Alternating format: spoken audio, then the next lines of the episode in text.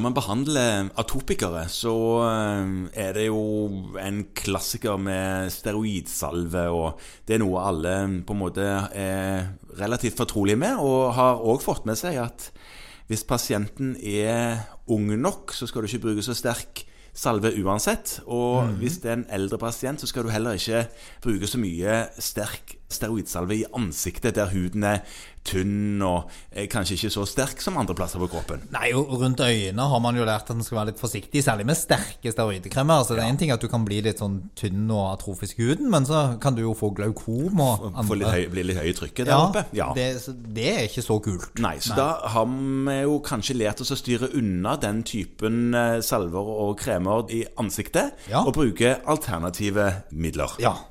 Og da typisk da ja, Protopic, for eksempel, eller Elidel, kanskje? Ja. Det har vi gjort, Ja. og det funker fint.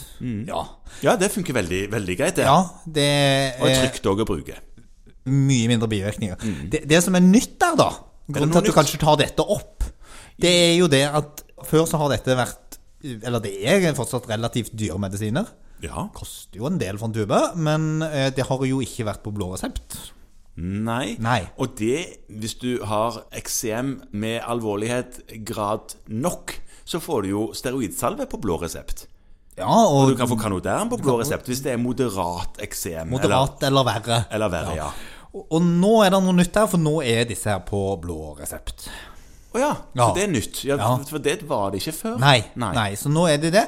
det, det der er et kriterium, det er det jo ofte, for at Ja. det skal være refusjonsberettiget bruk, som det heter på fint. Og, Ja. og det er da at det er moderat Ja, igjen, moderate ja. holder ikke å ha atopisk eksem. Og det, det holder ikke på en måte at det er kløe eller um, tørr hud, eller uh, Nei. pasienten har lyst til å bruke. Nei. Eller uh, tenker at han får glatt og fin hud av dette. Det er moderat atopisk eksem. Hjelper ikke at en pasienten kjente fikk han på blå heller. Som er den vanligste argumentet jeg hører for å få ting på blå resept. Du kjenner noen som har fått det på blå? Ja, dette har en annen fått på blå. Da skal Ja. jeg jo ha det. Jeg tror jeg tror ikke jeg har lest alle kriteriene, men jeg tror ikke det står på noen av de at Nei. eh, indikasjon er pasienten kjenner noen som fikk det på blå. Nei, Nei. nei det, det høres rart ut. Ja. Enig i det. Men, men her er det da utilstrekkelig effekt Altså moderat atopisk eksem Ja, med, med utilstrekkelig effekt av steroider. Ja. Og så står det da På den ene her er det faktisk litt forskjell. Så det er litt underlig. Men på Elidel så står det da at det er da intoleranse mot topikale steroider, f.eks.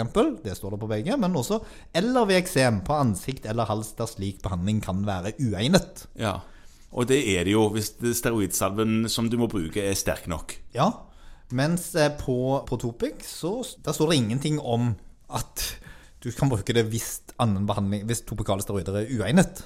Der står det bare at hvis du har eh, utilstrekkelig effekt.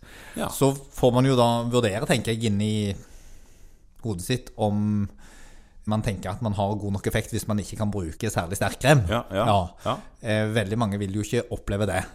Nei, men, men nå er det altså en mulighet, hvis du finner et eller annet av disse kriteriene oppfylt, å skrive denne type medisin òg på blå resept til atopikeren som er moderat plaga eller mer.